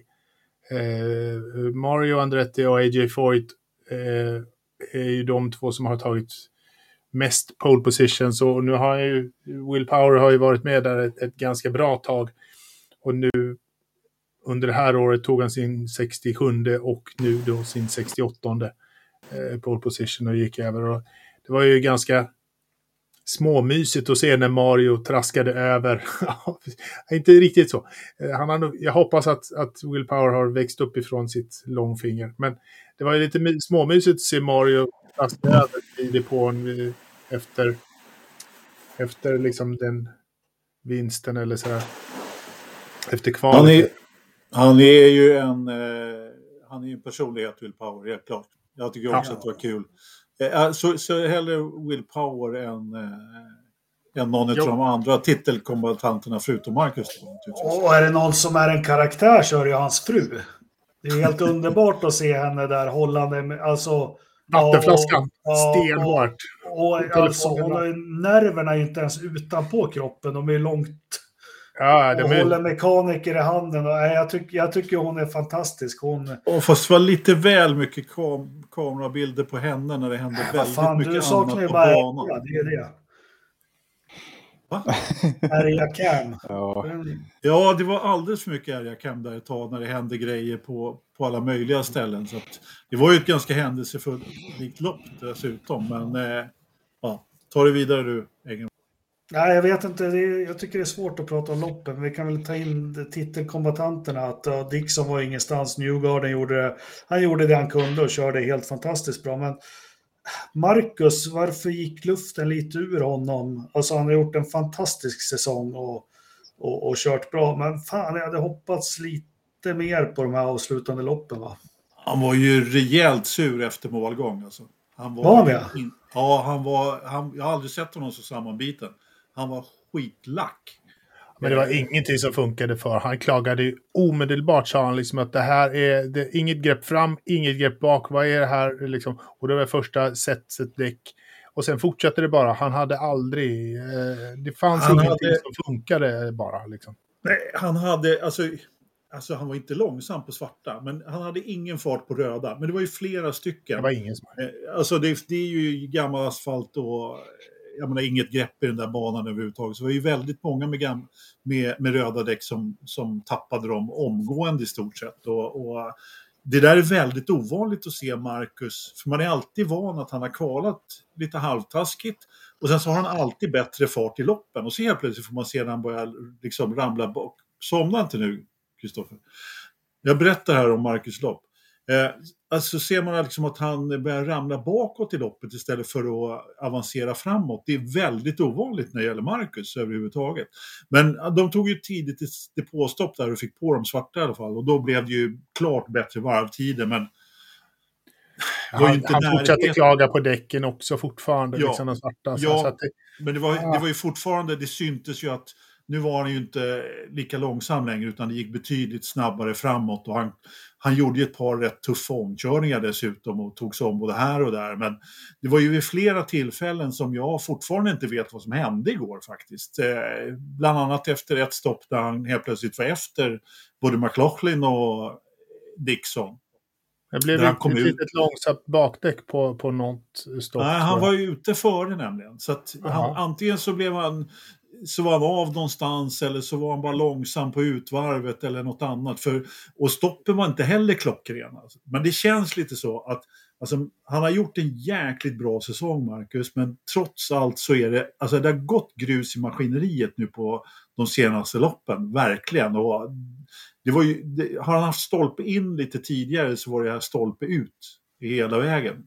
Men, och det är klart att eh, blir det en sjätte plats i eh, mästerskapet när de varit uppe och, i ledning och trott att man ska fighta som eh, eh om seger i mästerskapet, ja, då är det klart att då blir man ju besviken. Så enkelt är det ju. Men jag, jag hörde att ni pratade lite om det här förra, förra veckans podd, att jag var med. Jag skulle vilja påstå att Marcus, alltså det här som du eh, tjatar om Egenmark, att eh, man ska vara topp fem. Liksom. Och det var inte, det var inte Marcus på slutet. Men det största problemet för Marcus var att han var inte det i Long Beach. Det var där han tappade den rejäla udden till en topplacering i det här mästerskapet, skulle jag vilja säga. Jag tror, ja, men, jag tror faktiskt att till, till den här helgen så var Marcus, jag tror att han var lite övertänd. Varför så mycket bumper car som han körde i, i söndags har han inte kört på, på hela säsongen. Han, han, han puttade ju bilar både till höger och vänster i, i korkskruven och han var utanför banan mer än en gång och blåste sand och sånt där. Så att det, jag tror att, han, och han sa ju själv, det är vinna eller inget. Eh, nu blev det inget, eh, liksom, men jag tror att han satsade han, lite väl och, hårt liksom. Kanske. Fet drifting i corkscrew fick han på. Som fan! Den var, Den var inte dålig. Den var imponerande. Ja, men synd, vad, vad slutar nu? Sexa i mästerskapet? Ja. Ja, det är... Det är väl det, bra, herregud. Ja, det är jättebra. Felix kom ju sexa ett år också, men mm. topp tre skulle han. Ja, det skulle han varit. Ja, men han ja, tappar ju den där femteplatsen dessutom på McLaughlin då, det här skiten som hände på slutet på och, det, och dessutom så körde ju då OR då som hade varit inne på ett depåstopp där på slutet körde ju emellan honom och McLaughlin. Så han, han kunde ju inte, ja så det strulade ju till sig då. Men då hade de ju kameran på fru, eh, fru Power då hela tiden så det fick man ju inte se någonting av. När vi för en gång skulle dessutom hade en ombordkamera på Marcus bil för första gången i, i världshistorien. Liksom. Så att, ja, ja, men ja, sjätte plats i, i mästerskapet, inget bra. Men eh, säsongen som helhet ändå måste man ju säga bra eh, ändå. Med några riktiga toppare. Felix ja. gjorde ju ett eh, riktigt Felix. stabilt intryck däremot. Eh, bara... Enormt bra lopp igår. Han, det saknades lite för pallen. Jag tror inte han riktigt vågade utmana Power där. Eller våga, men Jo, han, han, soppa. han är slut på soppa. Bränsle, bränslesparade vid fel tillfälle. Alla andra bränslesparade vid ett senare tillfälle. Vilket ja. gjorde att han tappade plats och position vid fel tillfälle. Sen, Soppa, han, han kom ju inte ens ett varv efter målgång. Eh, det tog ju slut eh, innan, innan korkskruven. Eh, ja. till och med. Jag satt, lyssnade väldigt mycket på, på hans radiotrafik där i, igår. de, de var otroligt nöjda med hans körning igår. Eh, Domaren var ju stabil. Han, han, ja. han, lyckades ju med det här som han inte har lyckats med förut, att hålla liv i, dä i däcken. Eh, mm. Och han startade ju dessutom på svarta då. Eh, mm. så, så, som, och det var väldigt många runt omkring honom på röda. Och han lyckades ju hålla i det på första stinten. Och sen eh, hade han ju bra fart på de röda också då och lyckades sträcka ut den stinten. Men, men det var lite bränslet där som, som tog upp. Men ändå ett bra lopp för honom att avsluta med så att han eh, liksom har lite momentum här inför nästa år mm. som, eftersom han inte har någon styrning. Så. Att, eh, men vart, vart, vart, ham, vart hamnar Felix då? Kör nu. Han är kvar i uh, McLaren. Han kör ett år ja. till. Så Säf vill inte betala 100 miljoner för ja, Exakt. Han ska ju köpa ut honom nu. Uh, det, prislappen är ju 10 miljoner dollar. Ja. Det, den är satt till det. Och, och eh, hur... Eh, förhandling, det har ju liksom börjat snackas nu, bara för i, i eftersnacket så var han ju väldigt mjuk och trevlig mot, mot Chip Ganassi, eh, Palou. Palou gör ett fantastiskt lopp, vinner ju med mil, liksom totalt överlägsen. Eh, gör ett fan, liksom, han var helt oslagbar.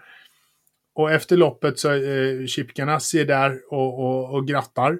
Vilket han inte riktigt var i, i somras när det var som, som bitchigast i, i, i lägret. Nu är han där och grattar. De är lite kompisar igen. Och han öppnar dörren lite för att sitta kvar i 10-bilen nästa år också, Palou. Så att om, ja, Zack inte, öppnar, alltså, om Zack inte öppnar plånboken då det är klart som fan att Zack inte öppnar plånboken för 10 miljoner dollar. Det finns inte på världskartan. Det där är som vi brukar säga förhandling. Eh, han har, han, Chip Ganassi har talat om vad det kostar. Och ja. han kommer inte att backa. Eh, så det är bara för, eh, för Zack att antingen försöka med något eh, annat och ge, ge, ge Chip någonting och skippa in lite. Men 10 miljoner dollar det betalar han aldrig någonsin. Och det har nog Palou också förstått. Så han behöver nog vara lite ödmjuk. Och han gjorde ju egentligen det bästa han kan göra här och han körde ju liksom skiten, höll jag på att säga, ur hela fältet i stort sett här. Eh, det där motorbytet gjorde ju förmodligen sitt också och han var ju en av de som hanterade bäst däcken absolut bäst förutom Djurgården i, i stort sett. Så, att, eh. så, så hoppet från Felix är att de skakar fram en tredje bil där då, i, i McLaren? Och han får... Ja, det gör de ju. Det blir ju en tredje bil. De har ju en tredje bil redan, så att han sitter ju kvar ja, i, i sin nummer, nummer sju. Hoppet är att Zack inte betalar 10 miljoner dollar. Mm. Hörni, ja. lyssna jättenoga nu ska ni få höra. Uh, är ni med? Mm. Fyra, tvåa, etta, tvåa, trea, trea, trea, etta, trea, etta, sexa, trea, etta, fyra, etta, fyra, trea. Det är numret till Lisas massagestuga på... Ja, det är precis. Det är också Will Powers eh, säsong, va? Nej, det är Scott Dixons mästerskaps... Vad han har slutat i mästerskapet sen, ja, okay. sen 2006. Eh, alltså, mm, jag tycker det är rätt störigt. Det är fantastiskt det, bra. Det är, det är ofattbart hur, eh, hur bra ja, man kan vara under så lång tid. Eh, drog, som smet förbi Marcus där i mästerskapet ja. och tar en pallplats i mästerskapet. Ja, det är, men det är Scott Dixon. Ja. Alltså orkar du vara vaken så här sent på kvällen, Kristoffer? Eller ska vi börja sjunga lite, lite John Lund till dig? För nu har du fan inte gjort någonting ja. en stund. Det är sent i Italien. Ja, men, men, men, ni pratar ju Indycar, så vad ska jag göra? Nej, jag vet inte. Lära dig något. How about it? Precis. Men, Lyssna och lär. Vi kollade, vi kollade faktiskt loppet med talat öga medan vi satt och debriefade. Ja, vi, ja, ja. Cool. Vi hade ju en annan ja, Fast det gick jävligt fort att debriefa det skitloppet. Hörni, Ja, vi tar det. Hörde, vi har ju helgens begivenheter. Vi ska ju försöka jämföra det. Vad fick vi för betyg av våra panelmedlemmar på Indycarloppet? Eh, sådär. Fast de senaste Indycarloppen har väl inte haft några gigantiska eh, betyg eh, ändå. Men, men 2.23. Förra veckan hade vi 2.14 och, och loppet Innan vet jag inte ens vad vi hade. Eh, liksom, men, men strax över två. Strax över två är ju inte... Alltså det har inte varit några färgsprakande lopp. Det har inte varit några färgsprakande lopp. Det har det inte. Men jag tycker alltså loppet igår tyckte jag var faktiskt var bra. Jag tyckte om loppet igår. Jag tyckte det var ja, Mycket för att Felix eh, liksom gick så. Det blir ju mer spännande då. Det blir ju ja. roligare liksom. Ja, men jag tror folk röstade för att inte Mackan vann också. Så blev det. Ja, fast det, det, var ett frustrerande lopp för Marcus naturligtvis. Men jag, jag, vet inte, det var...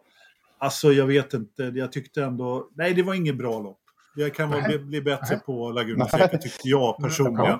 Faktiskt. Men då ställer Nej. vi det mot den sprakande tillställningen på Monza då. Vad, vad fick vi för betyg? Ja, helt, det är förmodligen det bästa, eh, bästa betyget vi har haft, Kristoffer. Vad säger du?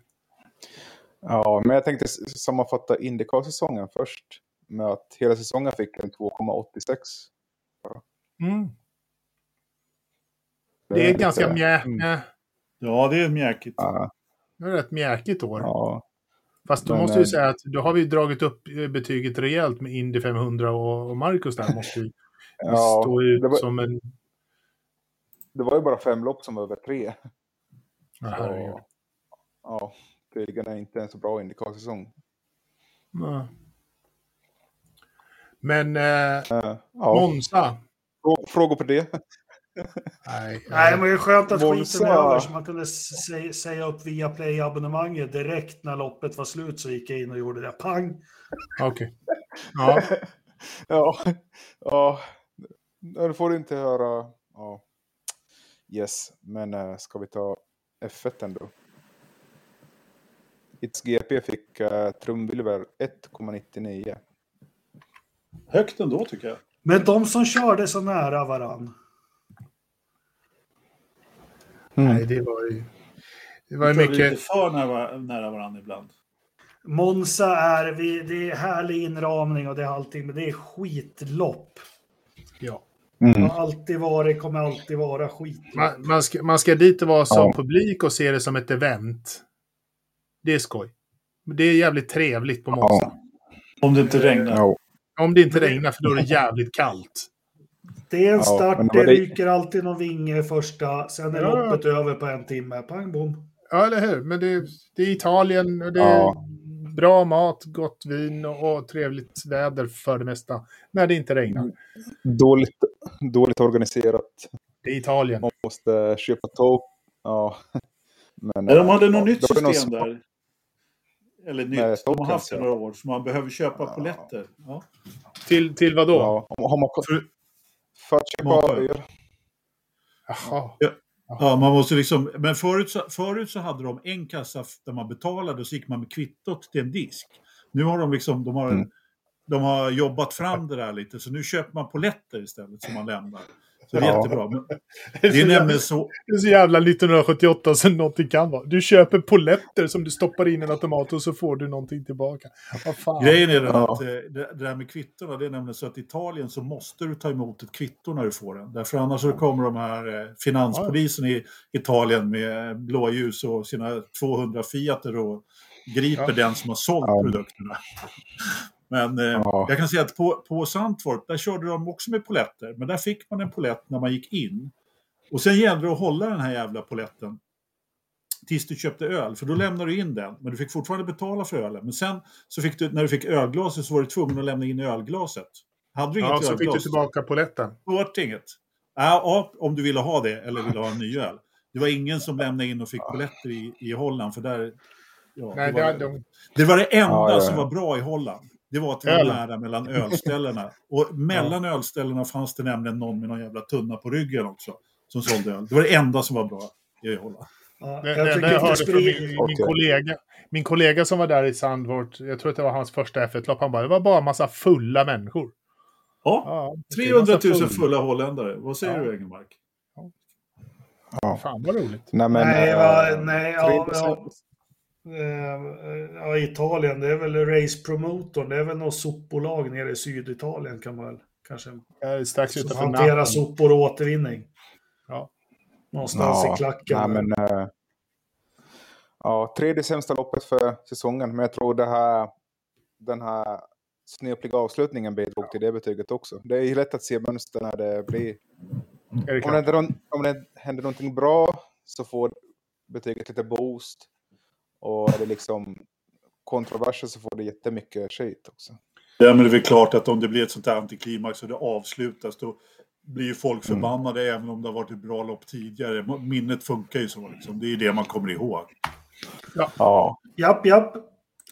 Ja, men eh, då har vi stängt eh, många dörrar här nu. Ska vi gå vidare i programmet?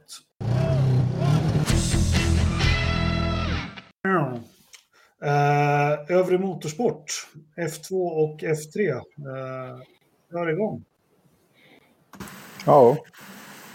Vi fick ju lite mästare här, både i F2 och på lördagen. Felipe Drogovic uh, lyckades vinna titeln fast han inte kom i mål på loppet. Det är ju alltid kul när man kan göra det. Mm. Sen F3-loppet. Ja. Har de korat någon mästare i F3 egentligen? Är det klart än? Jo, men det blev ju också lite kontroversiellt. Det var ju... På slutet där så var det ju uh, Indian Ma Maini, eller vad han heter. Maini. Maini. Nej, ja, som krockade med, gissa vem, Brad Benavides. nu var inte Brads fel utan han bara råkade vara på fel ställe när han spann runt den här Indien. Och det blev en uh, röd flagg. Och uh, under rödflaggen så började domarna räkna upp en massa straff. Uh, till exempel William Alatalo så låg jättebra till på en fjärde plats och så var det ju Martins som hade en fem sekunders bestraffning på grund av något. Men uh, ja, sen när domarna hade tid att kolla över bestraffningen så fick William Alatalo också en bestraffning. Han hade kört över tracklimit fyra gånger. Så fick ha fem sekunder till och föll ner till en sjunde plats då. Så ja, det var ju synd. De hade hunnit börja smaka på champagnen där, finnarna och ja, Genesis-stallet. Men... Men hur blev det då? Vem blev mästare? Uh, Victor Martins, fransmannen, som är alpin junior. Så, och där var det också osäkerhet att när det blir rödflagg och loppet skulle inte startas om heller så ska man applicera den här fem sekunden. För när loppet avbryts under röd flagg så räcker man tillbaka två varv. Och då visste de inte när de skulle applicera den här fem sekunderna som Martins hade.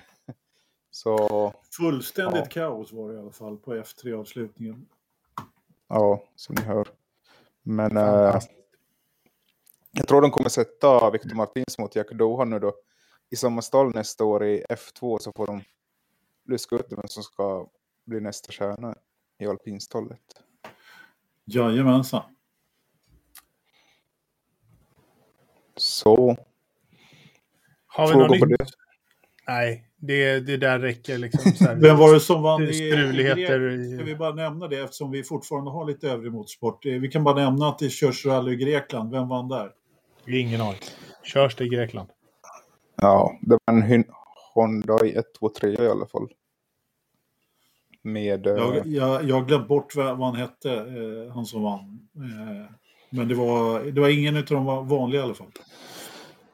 Alltså, för, för mig, rally, rally är fortfarande bara Colin McRae och, och Sebastian Löb.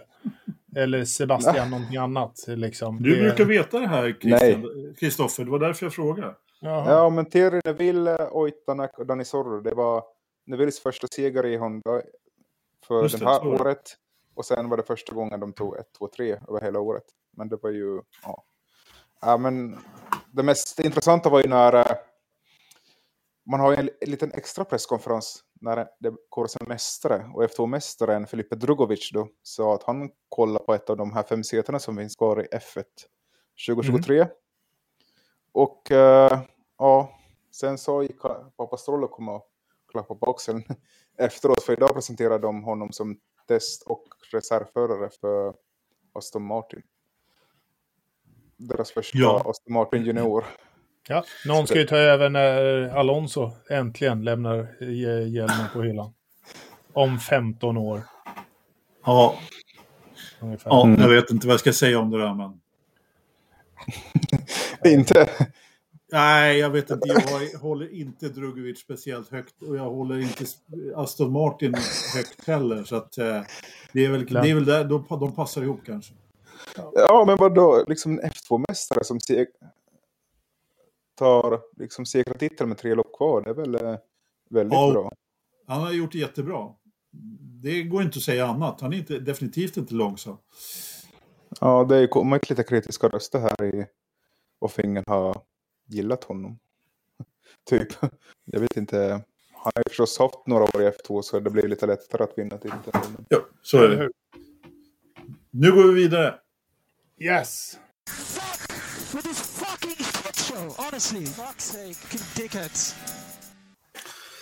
Jag har veckans förstappen, shit show, fucking honestly. Uh, jag börjar jag. jag. Jag tar Indycar som veckans förstappen. Eh, nu har vi hängt med här. Det måste till. Det, det måste fräschas upp Indycar. Det måste nya bilar.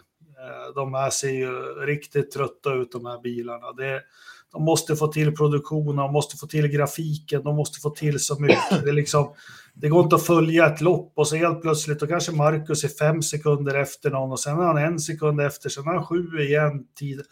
Nej, det är jäkligt svårt att, att, att hänga med. Så ja, det är väl kanske NBC då, men de bygger ju inte bilarna vad jag vet. Eh, Tv-produktionen, Indycar, NBC då, och sen så är det jäklar mig dags för nya bilar alltså. Det, de ser riktigt omoderna och eh, taffliga ut, måste jag säga. Next, Kristoffer. Nej, jag har väl inga riktigt.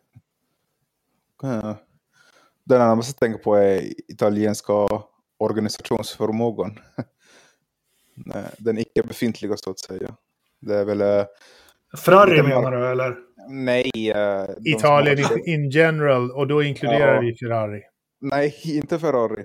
De jo, gör det, det bra. är så italienskt som någonting kan vara. Nej, men liksom när, när jag har hört från liksom de som mina vänner som var på det här loppet och Forsa flygets besökare också. När det liksom, ja, liksom de landar på Malpensa och, och transfern som de skulle få då inte finns där när de landar redan där så känner man jaha, Italien liksom en timme senare efter landningen så dyker det upp fast flyget var försenat med 45 minuter så flyger liksom jaha, var är transfern? Och sen en timme senare kommer liksom en, en polskregistrerad Mercedes-vagn med en ungersk, nej, ukrainsk förare fram som knappt kan någon engelska frågor. Forza, Forza Motorsport, bara. ja, Liksom ja, det var budgetvarianten i år. ja, tydligen så blev det så. Ja. Ja, och sen, där... ja liksom, och det här att man öppnar gaten till banan en halvtimme innan första loppet på söndagen. För alla tänkte ju att de ville åka tidigt till loppet så de kan hinna köpa sina paletter och hinna ja, kanske ta en öl då tills loppet börjar. Men, men nej, för det kom ut någon bild där som folk klagade på att varför ringer folk och ser på efter finalen där liksom sex före kan det är sex före som kan vinna titeln och så bara visade det sig att alla står utanför i kö för att komma in. Ja, nej, jag vet inte. Det är så. Det är inte som första gången de ordnar ett sånt här lopp och de verkar inte fatta att lära sig någonting från föregående år. Det har vi sagt om andra lopp också, typ Belgien. Men Belgien fungerar faktiskt bättre än det här i år. Ja, det var min lilla rant om Italien överlag. har du någon förstappen, Anders? Eh, ja, det är klart jag har Ferrari såklart. Eh, men eh, Eh, Eh, jag har en till faktiskt, eh, men Ferrari, det är min eh, återko- de, de, kommer snart få en sån här egen avslutning av podden när de, om de inte skärper sig snart. När de gör allting så här katastrofalt dåligt som de gjorde i helgen. Ralf Borsung är min, eh, är min eh, förstappen, för han eh, är lite som din Benavides där, Kristoffer. Så fort han överhuvudtaget är på banan så kör han in i någon och nu på Monza så blev han ju faktiskt avtryckt eh, ganska bryskt av någon. Liksom. Ja, då kör han upp på, eh, efter första chikanen, så kör han liksom upp på, på banan igen. Och vad gör han då? Jo, då kör han in, liksom rätt eh, in i racelinjen hos någon annan så att de, så det visslar bilar åt alla håll och kanter. Och nej, maken till klantig liksom, å, å, återuppkörning på banan har jag aldrig sett. Liksom. Han, eh, det hände grejer varenda gång. Han bröt båda loppen också. Tror jag. Du då, Ridderstolpe? Jag har en förstappen som får den lite grann på merit ett tag tillbaka. Eh, Marcus Eriksson har inte. Eh, han har rutin nog och eh, kan sporten tillräckligt väl. Han känner stallet tillräckligt väl och eh, han borde ha alla förutsättningar för att när det väl gäller inte rulla in på 11, 14, 18 positioner. Eh, när det väl är kniven mot strupen så levereras det inte. Jäkla skit. Ja, du förväntar dig en jävla bilbomb från Anders när du startar? Nej, jag, här, jag förväntar mig en bilbomb ifrån ganska många håll här liksom. Men, ja, men jag håller med dig. det är inte, det är inte okej. Okay. Han här i slutet på säsongen. Sen om det är, sen är det vad som har hänt, det är vad, liksom, hur mycket som är hans egen förskyllan och vad som är stolpe ute och vad som är stallet och varför det inte har gått lika smidigt som tidigare. Så. Fast det här är ju elitidrott liksom. Det, han kanske aldrig mer får den här chansen. Alltså, det handlar om att förvalta, förvalta, maximera. Det, ja. ja. Ja, Nej, men det är återigen. Du, du, han skulle ha tagit, hade han varit topp fem i avslutande alla loppen så hade han vunnit. Dra ja. er till minnes äh, mästerskapsraden jag drog för några minuter sedan som Dixon hade. Precis. Sjukt. Sjukt. Det... Ja. Bra, vi drar vidare.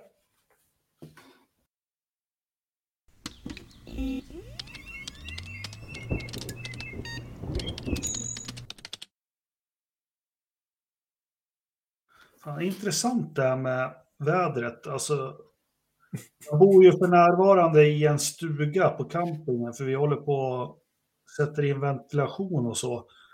Det är jävligt mycket snack om klimat och sånt. Man kanske ska investera i en sån här väderstation. Hur som helst, det är 9,8 grader ute i Grövelsjön. Eh, det är eh, tråkigt fågelbordet händer det fortfarande ingenting. Eh, 52 procents luftfuktighet inne. Jag skulle kunna dra ner den 3-4 procent tycker jag. Det är 20,1 i köket och vad har vi i datorn? Eh, vad sa du att det var ute, sa du? Jag hade... Jag hörde inte det riktigt. 9,8. Ja, men det är ju varmt som fan. Ja. Då, har det gått, då har det gått upp. Då tror jag att det är 16,8. Nej, nej, nej. 14,2. Ja, i, i Bargom är det 21 grader. Så det betyder att det är 10,5 i datorförrådet. Ja, men ni var nära, ni två veteraner. Det är 15,9. Det har gått upp lite där, men vi ser Va? en korrelation med utetemperatur och i datorn nu. Eh, Anders, det tyder ju på någon slags ventil där rakt ut. Ja, helt klart. Eh, jag vet inte riktigt eh, hur det ser ut där uppe, men det har ju hänt mycket här sedan vi började rapportera för 222 avsnitt sen. Så att, mm. Jag tror att ja, Nej, jag vågar inte ens gissa vad, vad Pastis har gjort där. För det, det, känns som att det är betydligt kyligare nu än vad det har varit tidigare. Och samtidigt när utetemperaturen går ner så går det ner lite. Så att han kanske har mm. hackat upp något litet lufthål där. Äh, men jag, jag som skrytsamt är lite analytiskt lagd. Jag tror nämligen där så att Pastis för ett år sedan, han låste sina elpriser så han har råd att kyla ner bra i, i service. så kan det vara. Han kan ta sig de friheterna. Ja. Oh, ja, eh, Tusen tack eh, alla lyssnare och tittare. Eh, det kommer en kvarting på Youtube här. Eh, jag gjorde en liten ja. studio här hemma och spelade in. Så får se vad ni tycker om den. Vi ska börja med TikTok också, så den kommer där också. Åh fy fan. För, du, ja. För, för det var ju smart att filma den vertikalt. Det var inte jag som filmade. Jag, jag gjorde som du, jag hyrde in en filmare för 7000 ja. spänn. Så. Ja, exakt. Eh, som filmare där. Eh, men det är klart det ska filmas vertikalt, eller hur Anders? Ja, alltid. Ja. Alltid. Det har inte plats. Nej, nej precis. Uh, nästa vecka inga loppen något att prata om. Jag tycker vi ska försöka få Patrik Knös att komma till oss och berätta om hur det var funktionär på ett Formel 1-lopp. Framförallt så ska han få berätta hur, varför det tog sån jävla tid att få bort Ricardos bil. Ja. Det kan han få. Ställer, vi ställer honom till svars för det och när vi ändå är igång och ställer honom mot väggen så får han liksom svara på varför Ferrari är så jävla bra som Kristoffer säger. Och, eller så jävla dåliga som Anders säger. Nej, men vi snackar ja. lite silly nästa vecka. Kom gärna när vi har ett eh, Patrik tackade jag precis nu. Då bokar vi in Patrik 19.00 på, på måndag. Kom gärna om ni har lite funderingar och sånt. Vi har ju en journalist med och vi har tre gamla gubbar med. Så är det något ni funderar eller vill prata mer om eller har svar på så, så ställ frågor. Så fråga mig, inte de andra. Nej, precis. Eh, innan vi avslutar måste vi säga eh, krya på dig till Alex Albon som eh, blev lite sämre efter operationen där, men har, har kommit tillbaka. Just det. Usch. Eh, mm. Så att, eh, vi hoppas på att se honom eh, frisk och kry i Singapore. Ja. Sen, sen, väntar jag på att få någon form av utmärkelse, för jag har faktiskt tre lopp i rad nu eh, satt prispallen. Ja, du ska fan har... inte tro att du, du ska inte tro att du är tror att du är något. Det är... Ja, men jag kan väl få tro det bara ikväll. Nej. Jag är aldrig värd någonting. Nej, nu det är ingen som tycker om mig. Det... Lugna ner lite nu. Ja, jag är på din sida, Jakob. Jag är på din sida. Jaha. Det är inte jag. Men, men jag tycker att Jakob har gjort sina, de här analyserna väldigt bra. Jag håller med om dem allihopa faktiskt. Så att, eh, det, är, det är faktiskt riktigt bra. Jakob. Säger killen som under Marcus F1-karriär satt och knackade sektortider i varenda jävla varv han gjorde. ja, men snacka om att du var duktig på att hitta det positiva, Anders. Det måste man alltid Sektor 2, varv 27. Jag, eh, jag hittar positivt i allting eh, utom Ferrari. Och det är därför ja, vi tycker om dig, Anders. Det är därför vi tycker om dig. Du hittade ju på ett bra krispigt ljud här på slutet. Vad, vad gjorde du? Jag... Eh... Körde ut Norris. ja, exakt. Just det. det var kattens fel. ja. Men vi är överens om att katter är obehagliga människor och därmed så avslutar vi. Tack ska ni ha allihopa. Tack ska ni ha. Ha det bra. Tack för att ni lyssnar. Hej då.